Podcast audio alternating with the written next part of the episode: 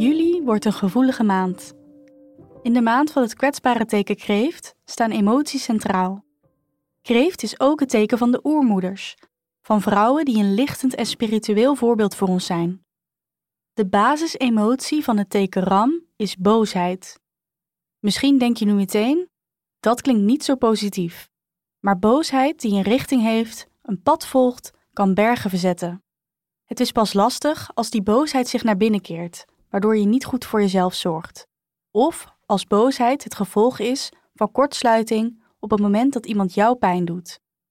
Dan kan de woede die je voelt jou overnemen, waardoor de controle verliest, dingen en relaties kapot maakt, zoals een glas dat je tegen de muur smijt.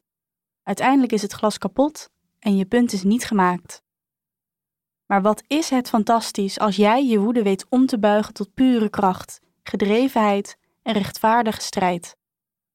Tot de moed om anderen te beschermen, te verdedigen als advocaat van dieren of mensen die niet sterk genoeg zijn om voor zichzelf op te komen.